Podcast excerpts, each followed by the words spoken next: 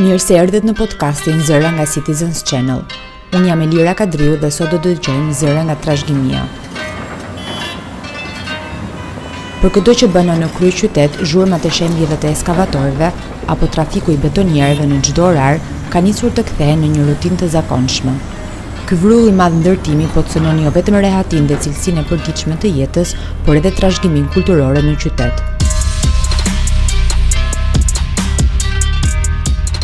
E ndërsa për trashëgiminë do të flasim në pjesën e dytë, fillimisht do përpiqemi t'i përgjigjemi pyetjes, Sa pallate po ndërtohen njëkohësisht në Tiranë? Kjo është pikërisht pyetja që i bëri vetes fotografi Aurel Duka, i cili na tregon në një intervistë me Zoom nga Shtetet e Bashkuara ku ai jeton, ditën që u rikthye në shtëpinë e tij të vjetër në Tiranë, ku u përball me një qytet tërësisht të ndryshuar.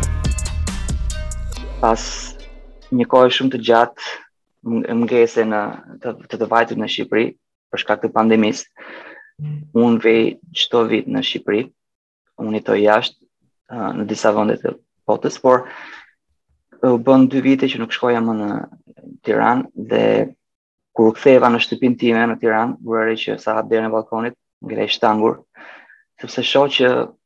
kishte ndryshuar i, i komplet tër horizonti. Nuk flas për horizontin në në, në distancë, por flas për një horizont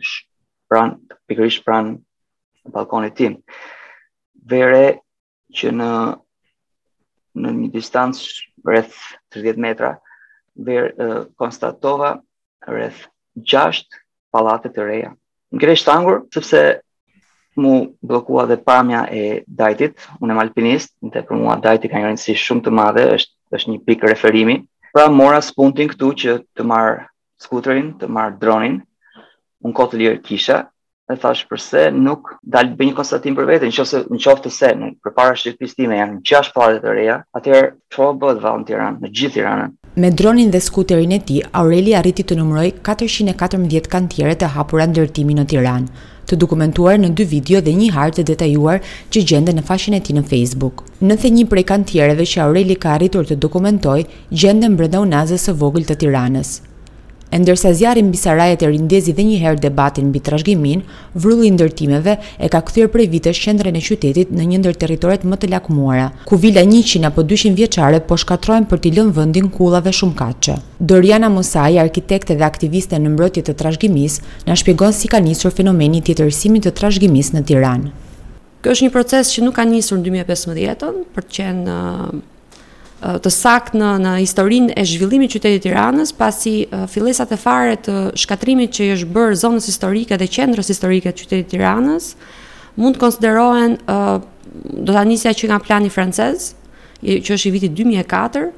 dhe të gjithë politikën që është ndjekur nga Bashkia e Tiranës për më shumë se një dekadë me studime të vogla pjesore që merrnin për bazë zhvillimin e parcelave individuale të shpërndara në territor pa patur një uh, zhvillim të qartë se si do zhvilloheshin në tërësi i gjithë qyteti. Dori, mund të themi se shpesh në emër të zhvillimit kemi sakrifikuar trashëgiminë. Tiranës vitet e fundit i mungojnë rreth 20 vila monument kulture, të cilat sipas ligjit për trashëgiminë gëzojnë mbrojtje dhe duhet të mirëmbahen. Si e kanë fituar statusin këto objekte? Dhe mbi të gjitha mbi cilën bazë ligjore e kanë humbur atë? Unë do do nisem nga ato çfarë unë kam hulumtuar, pasi në fakt po të kërkosh, nuk është se ke një transparencë, nuk ke një procedurë të qartë, të botuar për publikun, ku se si mund të merret ky ky status. Është një iniciativë në fakt e Ministrit të Kulturës dhe institucioneve të cilat herë pas here Presupozohet që sipas ligjit duhet të bëjnë investigime të vazhdueshme në territor dhe të hulumtojnë, të studiojnë, të piketojnë objekte që kanë vlera. Janë ato institucioni i cili zgjedh objektet që kanë vlera dhe kanë interes dhe vlera kulturore dhe interes për publikun e gjerë. Ndërsa ajo që ka interes për publikun më shumë është mënyra se si këto e humbin statusin e mbrojtë, e mbrojtjes ligjore dhe nga çfarë neve kemi parë dhe unë personalisht kam investiguar, Në momentin që një objekt është monument kulture, pronarit të objektit i lind e drejta nëpërmjet një eksperti të jashtëm të përpilojë një dokument që quhet një akt ekspertimi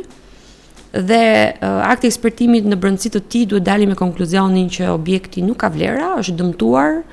dhe kështu paraqitet një kërkesë për ta hequr nga lista e mbrojtjes monumentin, duke hequr nga lista e mbrojtjes Objekti në atë moment kthehet thjesht në një godinë pa asnjë mbrojtje ligjore dhe mund të shëmbet. Çfarë vlen për t'u përmendur është fakti që shumë objekte kanë marrë këtë status në 2015 dhe i është dashur pak muaj ose pak 2-3 vite dhe pastaj e kanë humbur. Është i njëjti institucion i cili ia ka dhënë, i njëjti institucion ia ka hequr dhe ë uh, objekti për 2-3 vite nuk degradon, është e pamundur të degradojë. Edhe pse degradimi nuk ka ndodhur në dy-tre vite, kjo është e paqartë se si i njëjti institucion e zhvlerëson të njëjtin objekt që e vlerësoi. Nëse flasim për vlerësimet dhe zhvlerësimet, Tirana është vlerësuar si qyteti kopësht nga italianët rreth viteve 1920. Si do ta emërtoni Tiranën e sotme? Tirana është është dëmtuar shumë, është shkatërruar, është degraduar si qytet, nuk është më qyteti kopësht që italianët ia vunë emrin, pasi karakterizoheshe nga banesa dykatëshe me çati të kuqe dhe me oborre shumë të mëdhaja, pra atë çfarë Tiranën e bënte qytet kopësht ishte gjelbërimi i saj. Sot jemi para një Tirane që nuk ka më gjelbërim, kemi zhdukje të hapësirave të gjelbërta, kemi marrje të hapësirës publike dhe ndërtimi në hapësirë publike dhe nuk kemi më vend ku të mbjellim pemë edhe nëse do duam. Pra kemi pyllëzuar vertikalisht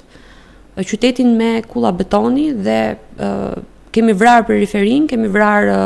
praktikisht atë që është kurora e gjelbërt e Tiranës, që është mali i Dajtit dhe kodrat e Selitës apo të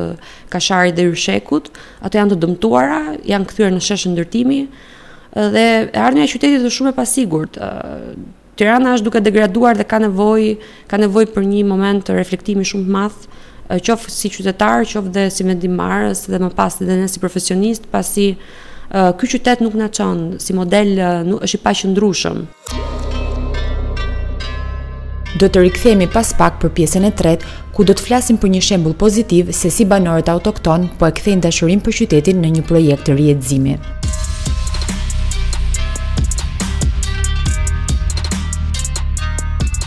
Xhimi Begeja dhe djali i tij Mateo, pasardhës të një prej familjeve më të rëndësishme të Tiranës, janë bërë bashkë në një iniciativë për ta kthyer lagjen e tyre në zonën e Selvisë në një projekt që synon të ruajë origjinalitetin dhe trashëgiminë. Xhimi, a mund na tregosh se si lindi kjo iniciativë? Dëgjo, është e pakët është e vetme as lagje që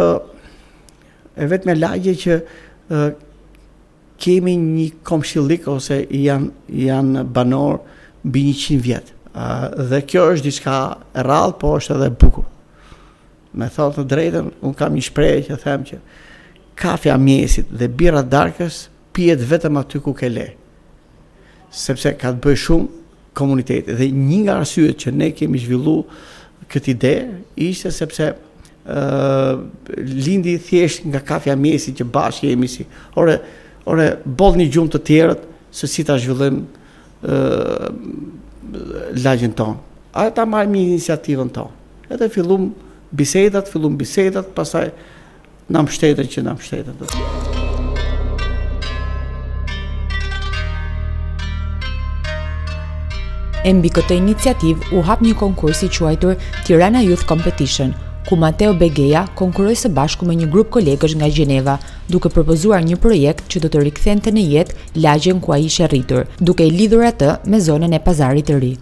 E veçanta e këtij projekti që unë ndje, e ndjeva veten komod, ishte esenciale dhe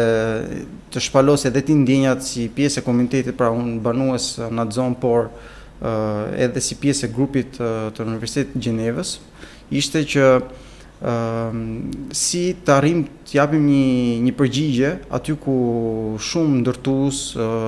plan bashkiak, faktorë të ndryshëm privatë dhe publikë nuk kanë arritur dot t'i përgjigjen pra ajo vlerë monumentale ka ka rëndësinë e vet ashtu siç është, pra ai qerpiç që shumica e njerëzve thënë jo thërmohet me kalimin e kohës degradon, bien pra çatia e shikojnë të rrënuar, unë mund të bëj një foto e shikoj atë të rrënuar, po nuk i përgjigjem asaj pyetjes esenciale që a mund ta rindërtoj. Njerëzit duke parë të vjetrën janë mësuar tani që syri i tyre duke parë atë që atij i duket si rrënojë, automatikisht humb vlera, humb interesi dhe ajo më pas shkatërrohet. Në mbyllje të këtij podcasti do të kemi një bashkëbisedim edhe me kolegen e Citizens Channel, Entenela Ndrevataj, të cilën besoj se e njihni edhe nëse e keni dëgjuar në podcastin tonë të parë. Si pjesë e vëzhgimit të nismës Citizens Urban Stories, Entenela do të na rrëfejë eksperiencën e saj tremujore të vizitave derë më derë në mbi 60 vila monument kulture në Tiranë. Entenela, a mund të ndash me ne një nga historitë më mbresëlënëse të kësaj eksperience? Nuk e di nëse do ta cilësoja si më mbresëlënësen, megjithatë uh, me shumë dhimbje e them që një nga vilat që më së shumti kam pëlqyer uh, gjatë itinerarit në gjashtë gjurmë historike që sapo the, Sot është shembur, ka qenë një hapësirë e mrekullueshme, shumë e gjelbërt, zonja që e mirëmbante, ishte shumë e dhënë pas luleve dhe tregonte që ishte një lloj zakoni që ia kishte përcjellë e ëma dhe gjithë shtëpia sa ishte e, e mbuluar me me me bimësi. Um, ajo më tha që së bashku me motrën e kanë të pamundur ta mirëmbajnë vilën se ajo është vërtet shumë e degraduar dhe se atë verë do largoheshin dhe do merrnin një suvenir nga vila që ishin disa nga bimët më të pëlqyera të saj.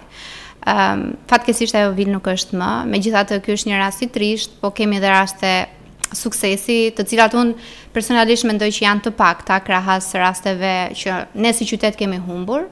Por janë dy raste mjaft interesante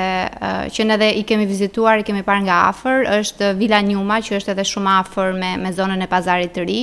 Fatkeqësisht është e futur në një rrugicë të ngushtë, të cilën ti po t'i kalosh përbri me gjasë nuk do ta vësh re, megjithatë është një vilë e mrekullueshme, është trekatëshe. Vila Njuma është një nga objektet e dokumentuara me video në platformën informative Citizens Urban Stories. Në këtë sajt gjendet një hartë interaktive me informacion për secilin objekt të vëzhguar dhe një raport i detajuar kërkimor që investigon arsyet dhe vendimmarrjen që çuan në tjetërsimin e trashëgimisë. E ndërsa qyteti po zhvillohet vrullshëm, duke zëvendësuar vilat me oborr me kulla shumëkatëshe, ajo që mbetet janë zërat e tij. Zërat e njerëzve të zakonshëm, ku materializohet e shkuara dhe e tashmja, në trajtën e përpjekjes për një zhvillim më të përgjegjshëm. Na ndiqni në vazhdim në podcastin Zëra, në të tjera tema dhe diskutime, për të dëgjuar atë që ka rëndësi.